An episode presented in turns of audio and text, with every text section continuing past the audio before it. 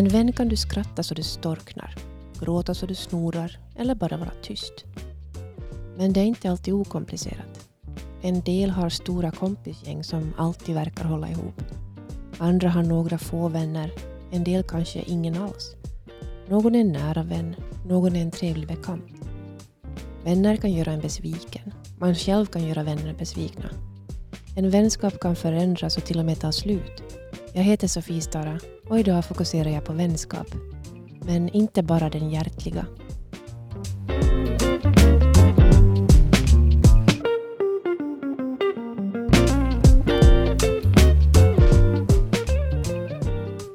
Vänskap är någonting viktigt för människor.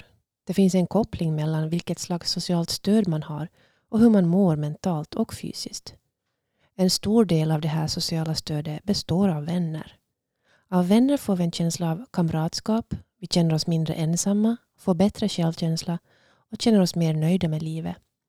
Ju mer stöd man har av sina vänner, desto större blir också upplevelsen av mening med och kontroll över livet. Det här visar forskning om vänskap som har gjorts genom åren. Vänskap ser också olika ut i olika delar av världen. Det är inte utan orsak man kallar alla hjärtans dag för vändagen i Finland, för här värdesätts vänskap starkt. Att värdesätta vänskap är förknippat med större lycka i alla kulturer.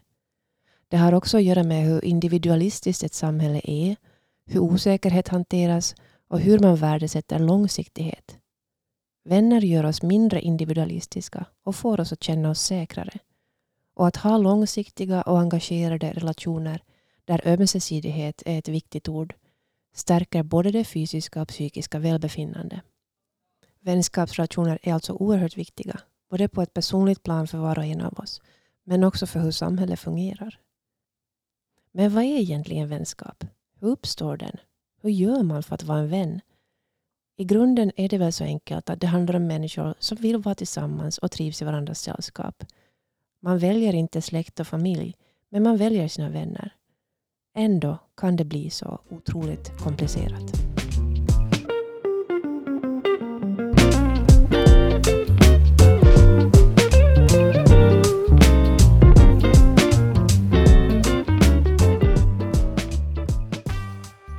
Välkommen Maria Sundgren Lillqvist till Fokuserat. Du jobbar som eh, psykoterapeut och har en privat mottagning i Jakobstad. Och vi ska prata om vänskapsrelationer idag. Eh, det var därför jag tog kontakt med dig. Mm. Och du, du, du svarar genast ja, att det här är ett svårt och viktigt ämne. Ja, tack för att jag blev tillfrågad. Ja, jag tyckte att det, det känns eh, som ett väldigt aktuellt ämne. Och för att relationer är någonting som vi har att göra med hela tiden och, och, som är viktiga för oss men som också ställer till mycket problem i människors liv. Mm. Så att därför så tänker jag att, att relationer och vänskapsband är, är viktiga att prata om och också att odla. Mm. Är det någonting som du arbetar med i ditt jobb då som psykoterapeut? Kommer vänner för att söka hjälp? Inte specifikt att man kommer bara liksom eh, för att man har då någon vänskapsrelation som har strulat, att man därför söker eh, psykoterapi. Men det är ju ändå en viktig del i våra liv att vi har relationer och helst fungerande relationer. Men det är ju inte så ofta man berör Ja, nu kan man också beröra fungerande relationer men kanske mer att man tar upp då när det inte fungerar så bra.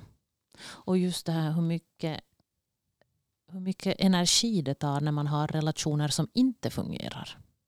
Ja, och det, det är framförallt det jag tänkte vi skulle prata om idag.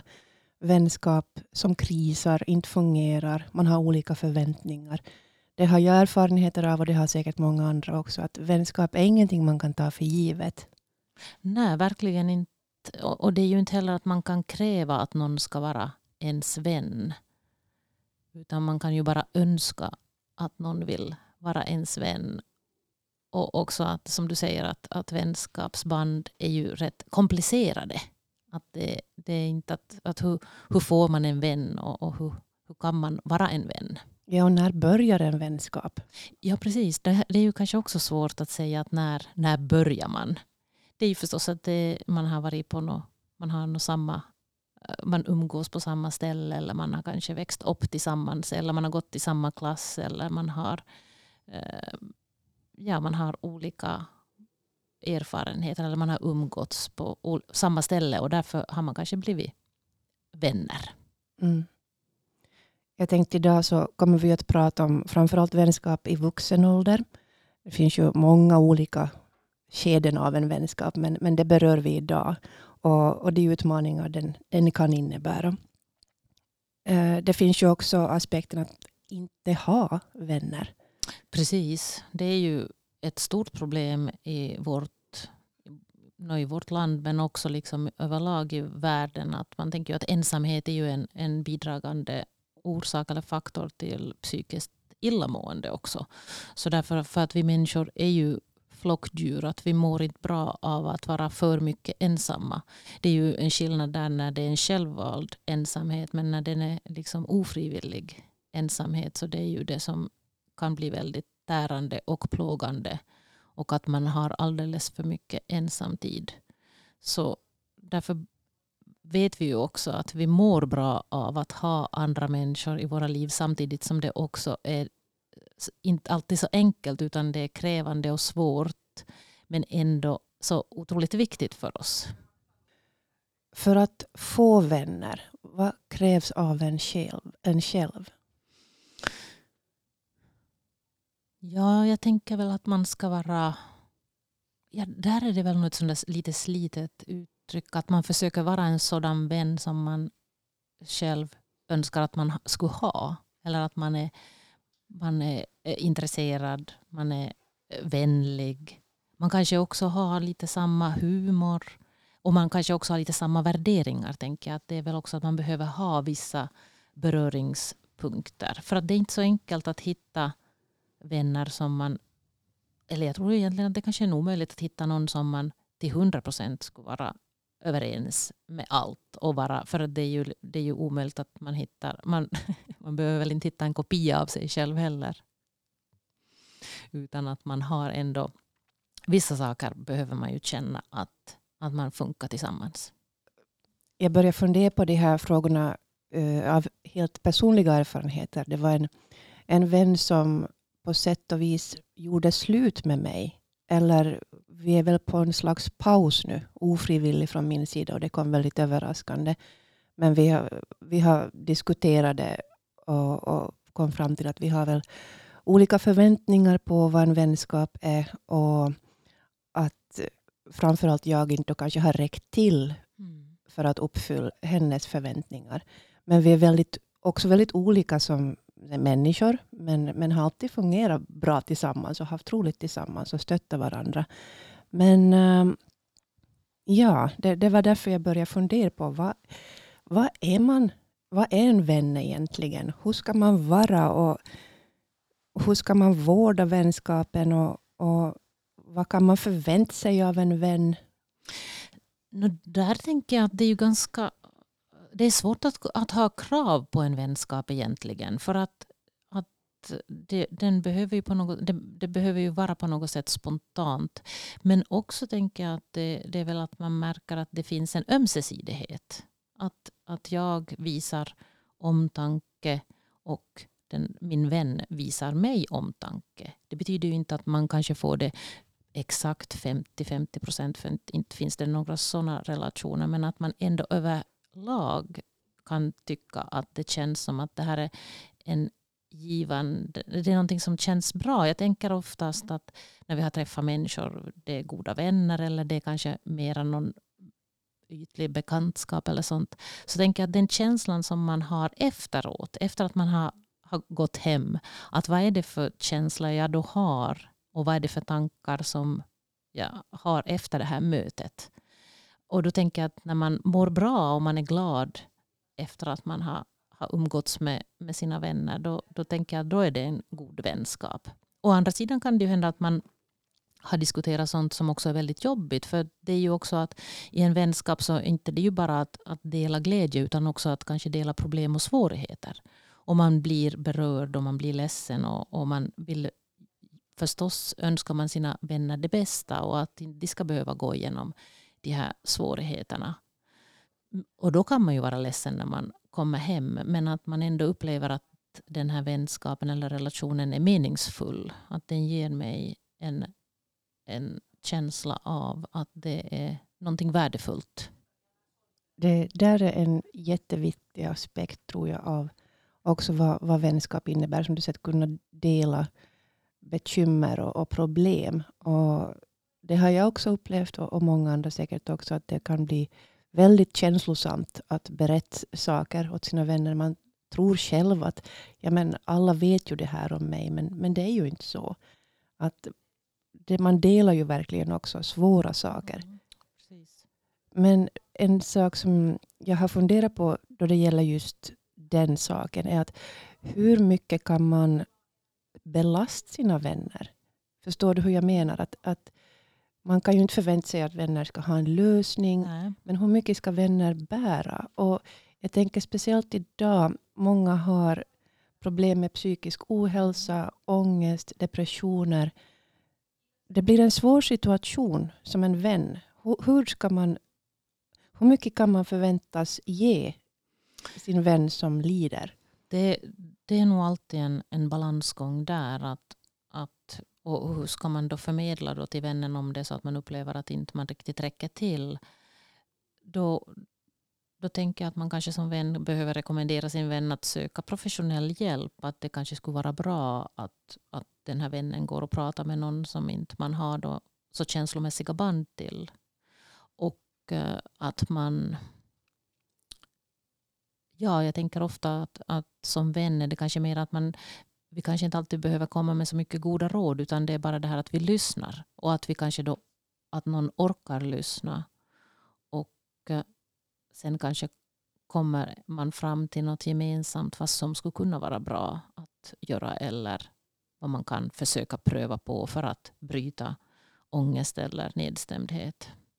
Men som sagt att också kanske rekommendera det här att att, och kanske också säga att, att ja, det här som du har berättat åt mig nu så gör mig ledsen och kanske orolig. Att jag tycker nog att du borde kanske söka hjälp. Att vi också som vänner kan förmedla det till våra vänner. Vad gör man då om man blir besviken på en vän? Jag tänker att vi får räkna med att vi blir besvikna på våra vänner ibland. Liksom de också blir besvikna på oss för att det är kanske en utopi det här att tänka att relationer eller vänskapsrelationer ska vara helt, att bara enbart vara positiva erfarenheter och att, att våra vänner alltid uppfyller våra önskemål eller våra omedvetna önskemål. För det är kanske inte ändå möjligt för att alla vi människor är, är mänskliga och vi gör misstag och vi brister liksom i det här i vårt förhållningssätt till, till våra medmänniskor. Så jag tänker att vi får också räkna med att vi blir besvikna ibland. Det hör liksom till livet. Men då kan man ju tänka då att behöver jag säga det här åt min vän? Det kan ju hända om det är någonting som återupprepas. Att det blir liksom ett mönster. Att man ser att, att den här vännen säger någonting som sårar mig. Då behöver jag ju kanske något, i något skede ändå framföra det och säga att och kanske liksom kasta tillbaka eller på något sätt säga att men vad menar du med det här eller varför säger du så här? Så får ju vännen då reflektera och fundera att ja, vad, vad, vad menar jag nu riktigt egentligen?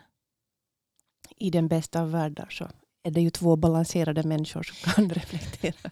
Det är ju just det, det är ju, det är ju så. Och samtidigt som det kan vara för många av oss, att, eller kanske det här vanligaste, att, att man ändå inte riktigt vågar konfrontera en vän. För man tycker att det är, som, det är jobbigt och man tycker inte om konflikter utan man önskar bara på något sätt att det, det liksom ska reda upp sig av sig självt. Och det, det, kan det ju göra, för man får ju tänka då att men, kanske ens vän hade sovit dåligt eller var på dåligt humör eller hade, hade bråkat med barn eller man eller fru eller vad man har, har nu gjort. Att det finns ju så många andra faktorer som påverkar vårt mående. Att det handlar ju inte alltid bara om mig eller dig. Liksom. Att för det är många gånger så som vi tänker att nu har jag gjort någonting eller nu har jag sagt någonting. Samtidigt som det också kan vara så att jag har sagt någonting eller gjort någonting som då har sårat den här vännen. För det, det är ju också det är sådana saker som vi också kan vara omedvetna om om inte någon säger det åt oss. Mm. Mm. Och då kan det ju hända att den här vännen inte mera vill umgås med oss eller vill ha en paus.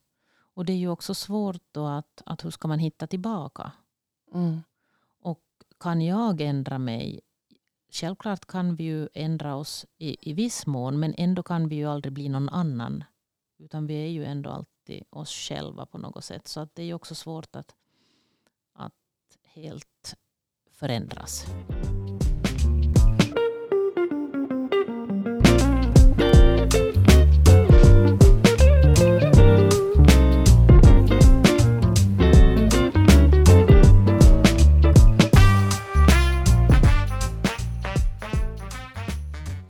Man ingår ju inte ett slags relationskontrakt som vänner om inte man är barn och gör så här pakter då och byter blod eller vad man nu har för ritualer. Men man, man, man gör ju inte så att man... I en romantisk relation så man kan ju förlova sig, man kan gifta sig, man, man har ett slags avtal om Så, och så kan som man gäller. göra slut eller så Ja. fortsätter man. Mm. och, och då är det mer definitivt. Mm. Men, men borde man ha någon slags vänskapskontrakt också?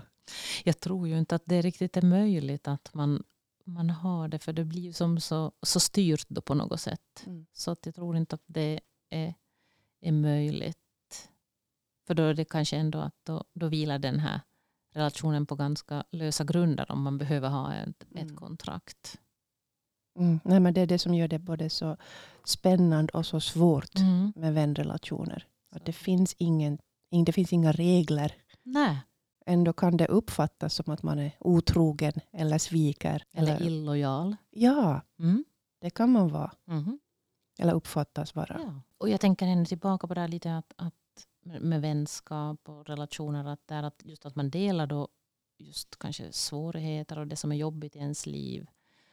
Men jag tänker, för det, det är ju liksom verklig vänskap. Men jag tänker också att verklig vänskap är att kunna glädjas med sina vänner. Och att kunna kanske dela framgång eller någonting som lyckas bra i, i den här vännens liv. För det kräver ju någonting extra på sätt och vis. Att vi också kan glädjas med andra.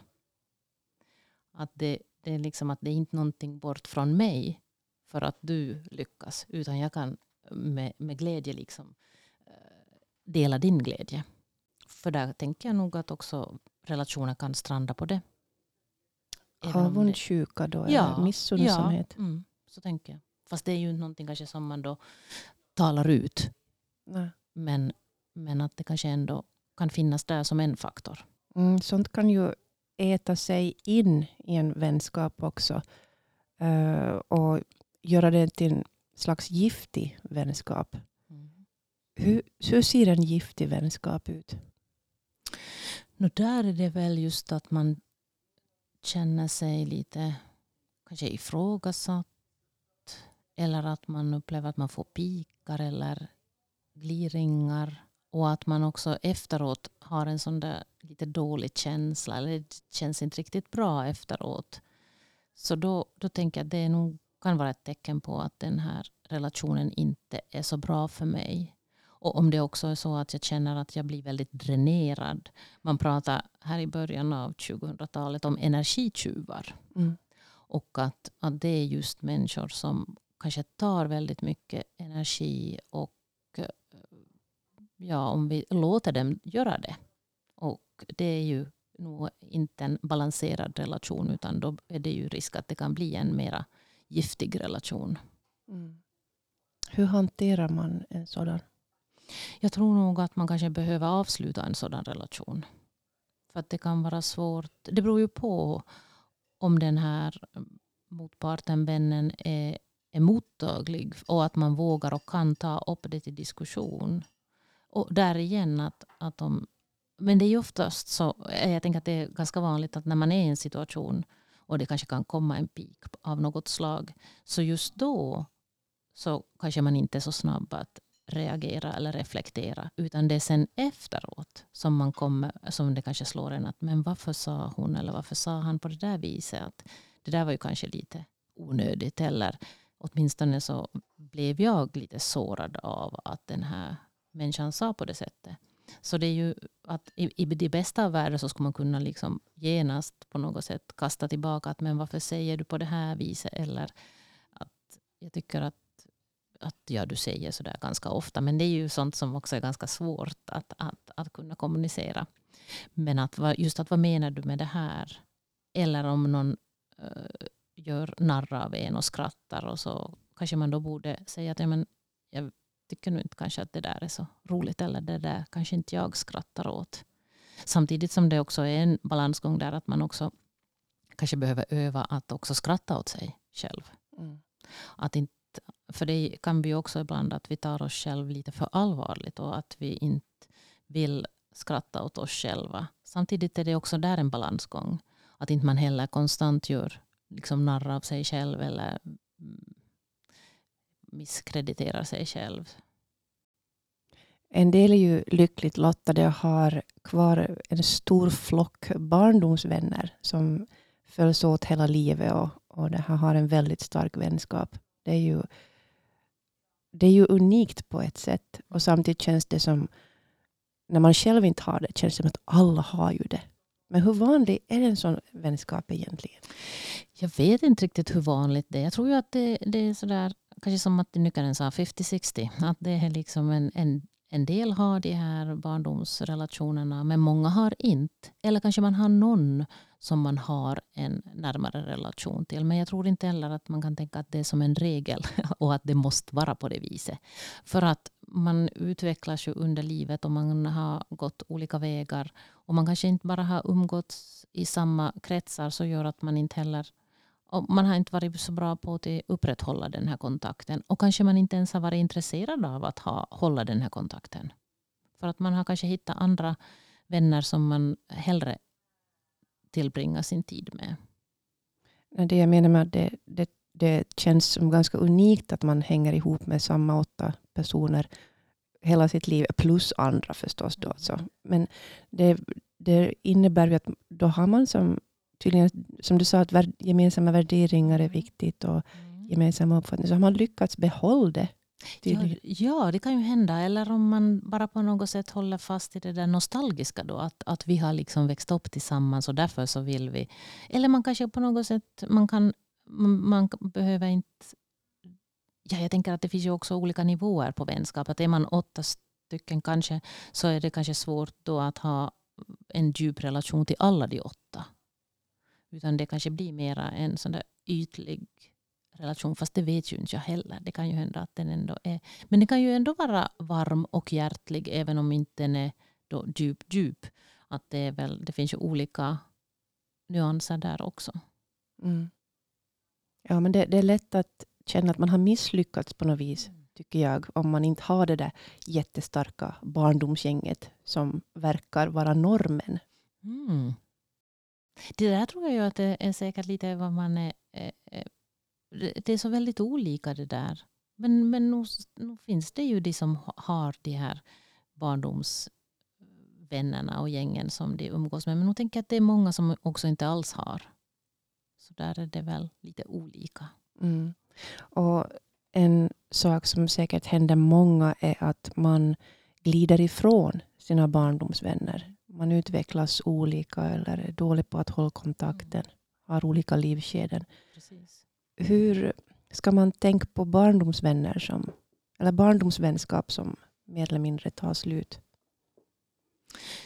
Ja, jag tänker att man får väl konstatera att, att det det är så som livet är ibland. Och att man under olika faser i livet har kanske haft vänskapsrelationer men så ändrar någonting. Man kanske, jag tänker att när man har, om man har barn så det kan det också vara att man får eh, vänner som har barn i samma ålder och så umgås man under en tid för att det är enkelt och när man eh, bjuder hem eh, vuxna gäster så har de också barn i samma ålder så har barn, barnen liksom sällskap av varandra. Men det finns ju ingenting som säger att det kommer att fortsätta för att även om, om föräldrarna är goda vänner så betyder det inte per automatik att barnen blir goda vänner.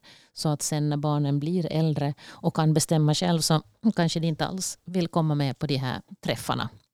Och då, då kan det ju hända att man över tid glider ifrån varandra. Och då får man kanske tänka att det inte behöver inte ha hänt någonting dramatiskt som gör att den här vänskapen tar slut utan det bara, bara blir så ibland. Även om det också kan vara en sorg för man kanske också har haft mycket roligt och trevliga diskussioner och sen så, så har man inte mera. Kan man hitta tillbaka till varandra som vänner? Ja, det tror jag ju nog. Förutsatt att det då finns ett ömsesidigt intresse. Behöver vi ha många vänner? Jag tror att det kan vara ganska svårt för oss att ha många goda nära, nära vänner. Eller man, man satsar ganska mycket på en, en, en nära relation. Så att man kanske inte heller har tid och möjlighet att ha många djupa vänskapsrelationer. Utan man, man har några som man verkligen kan anförtro sig åt och de kan anförtro sig åt en. Men sen har man då som sagt olika nivåer. Att man har då vänner där man har lite mera kanske ytligt men man kan ändå ha trevligt och roligt tillsammans. Men att det, det är liksom man, man, man, vi vill inte dela allt med alla och jag tror inte heller att vi ska göra det utan vi kanske behöver välja de här bästa vännerna för, för det som är, är närmast vårt hjärta. Och att eh, som sagt tror jag att vänskap kan se väldigt olika ut. Där är människor olika, att man kan vara ganska nöjd med att vara ett stort gäng och, och, och prata om motorer eller bilar eller någonting. Och det är kanske då mera, det kan vara en gubbdagis eller, men att det också är en, en typ av gemenskap och vänskap. Och sen kan man då ha en bästis, vilket kanske då är, kan vara mera vanligt bland kvinnor. Men...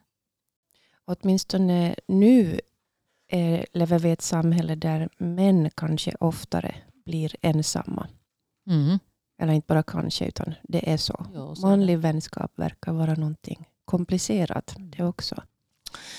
Jag tror nog att män överlag är mera ensamma. Det vanligaste är kanske att män har svårt att ha nära manliga vänner. Och, och det vanligaste är kanske att män har sin fru eller sambopartner som sin närmaste vän. Och inte så mycket utanför hemmets väggar. Men där är det ju självklart också variationer. Och det är kanske någonting som också håller på att ändras, tror mm. jag. Ja, det tror jag också. Att mansrollen förändras och förväntningar på en man och hur Mm. män visar känslor och pratar med varandra förändras också. Tack och lov. Verkligen. Och där tror jag också att det finns många män idag som har det här behovet också av att, att ha djupa vänskapsrelationer och att diskutera på djupet och analysera och fundera. Sånt som man tänker att är viktigt i, i nära relationer. Finns det terapi för vänner som krisar? Kan man gå i sån terapi? Mm, nej, det, inte egentligen har jag, jag har inte upplevt det i alla fall. Det är ju ofta så att den som går i terapi kan ju ta upp någonting som berör och som har hänt i den människans liv. Men det är ju inte så att den här andra parten då kommer med. Så det blir ju förstås att man har en, en, en sida av berättelsen. Så det, det finns ju parterapi och det finns familjeterapi och det finns individualterapi. Men inte, inte vänskapsterapi eller relationsterapi. Men egentligen är det inte så dumt kanske. Att det kanske kan, det skulle finnas ett behov för det. Mm, en slags medlare. Ja, precis. För om man vill behålla vänskapen men har svårt så är det ju... Ja, absolut. För att då är det ju att, att man skulle få liksom se, se en, en, en, en, någon som är opartisk skulle få lyfta upp att du upplever så där och du säger så där och, och, och du säger så. Och så får man lite se, försöka öka den här förståelsen för, för varandra. Mm. Men det är ju det speciella med vänskap också. att Är man redo att investera så mycket då i den? Det är just det. det är. Om inte den funkar av sig själv. Nej, det är ju, det är ju så. Man kanske tänker att men då, då får jag tänka att jag har andra vänner som, jag, som, som det fungerar enklare med. Istället för att då försöka reda upp den här snurriga relationen. Det blev ganska dystert det här. Men Ja. vänskap inför alla hjärtans dag och vändagen som Mm. det heter i Finland. Det är ju ombringat av det är hjärtan och vara en god vän och allt så vidare. Det, det framställer vänskap som någonting ganska gulligt och okomplicerat. Men, men det är ju inte alltid så. Nej, det är ju så. Och, och där tänker jag med, men det är ändå fint att man uppmärksammar vändagen. Men man får väl minnas att vi får vara vänner 365 dagar i året. Att det är inte bara den 14 det är andra. Men, och, och det är kanske inte heller att man vi är inte alltid så bra att säga att vi tycker om varandra eller att vi älskar någon. Men det är kanske att man då istället märker det med, med handling och att man vill umgås med, med, med, med vänner som är viktiga för en och som är nära ens hjärta. Och att vi får minnas att vi inte heller kan tänka att vi, vi, kan, inte vara, vi kan inte vara goda vänner med, med alla människor men vi kan bete oss respektfullt mot, mot alla våra medmänniskor eller försöka sträva till det i alla fall. Och att eh, det, med det så kommer vi redan långt. Jag ser ju mina, mina barn nu hur de bildar vänskapsrelationer. Mm. Och det, det, är också väldigt häftigt att se hur de tar kontakt och börjar högstadiet och, och trevar sig fram ja. till, till nya vänner. Och där är det ju, jag tänker att man säger ju ofta att, att barn att, att de måste och speciellt med, ju mindre barn, barnen är, att, att man måste leka med alla och man måste vara vän med alla. Och det tänker jag att det är lite eh, hårt och svårt för att som vuxna vill vi ju inte heller leka med alla. Men jag tänker att, att det är ändå en, en väsentligt att man, man kanske inte blir bästa vän eller man inte, blir inte vän-vän med alla.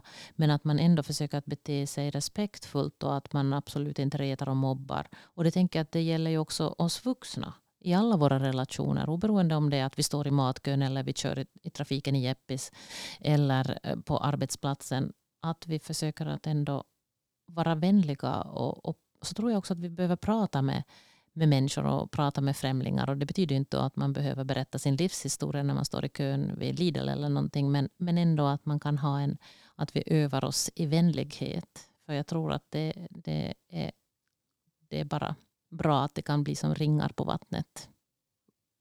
Men det är ju alltid också en utmaning där att barn att, att de ska ha födelsedagskalas och att hur, hur många ska de bjuda och, och, kan de bjuda alla på klassen och, och, vem bjuder man och vem bjuder man inte. Att det, är ju, det kan ju vara också knepigt. Mm. Eller om ens barn inte har vänner. Det är ju otroligt uh, jobbigt. Ja. Och, och, och någonting som man så, någonting som man som, för, som förälder absolut inte vill uppleva. Så att det är ju att önska och hoppas att alla barn skulle ha åtminstone en vän. Mm. Va, vad gör man om ens barn inte har vänner? Då kan man ju försöka att, att, att barnet förstås självt kan fundera att finns det någon på klassen eller i någon parallellklass eller i någon annan klass som de gärna skulle vilja umgås med eller som de kanske tidigare har umgåtts eller lekt med. Och att kan man då som förälder på det sättet bjuda hem det här barnet eller finns det någon hobby som det här barn, ens barn skulle kunna börja med? För att där är det ju också ett, ett sammanhang där man kanske kan hitta någon ny vän eller kompis. Man säger ju lika barn leka bäst. Mm. Ligger det någonting i det? Ja, nu tror jag ju att det är så för att vi dras väl till människor som lite påminner om oss. Som gör att vi känner en gemenskap och trivs då tillsammans med, med de människorna. Man har, forskning visar att, att just barn som är, är mera sociala eller utåtriktade så har också lättare att få vänner och bli omtyckta. Och, och då vet jag ju inte om, om de då söker, ja, söker sig till gelikar och så andra som också är utåtriktade och sociala. Men, men, ja. men där är det ju att vi behöver ju är man mera blyg och in, inåtvänd så ska det ju också få vara okej. Okay. Mm. Men det är kanske svårare att, att knyta an till, till vänner och få nya vänner. Mm. Att det tar mera tid. Ja. Ja, det, det skapar ett slags A och B-samhälle mm. om det förväntas att du ska vara utåtriktad ja. och social och, och, ta dig fram och ja. höras. Mm. Precis, och det är ju det som lyfts fram så mycket i, i dagens samhälle, att det, det är så som man ska vara. typ. Att, att även om vi vet att alla olika typer av människor så behövs och för att vi kan komplettera varandra. Och det blir väldigt mycket prat och, och få som lyssnar om alla är extroverta.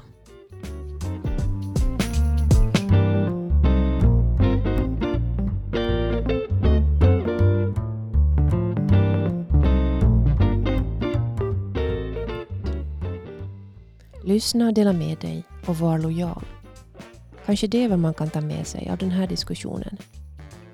Tack till psykoterapeuten Maria Sundgren Lillqvist som medverkade idag. Och tack för att du har lyssnat på Fokuserat, en podd för Vasabladet och Österbottens Tidning. Jag heter Sofie Stara och vi hörs igen om två veckor. Ha en fin vändag.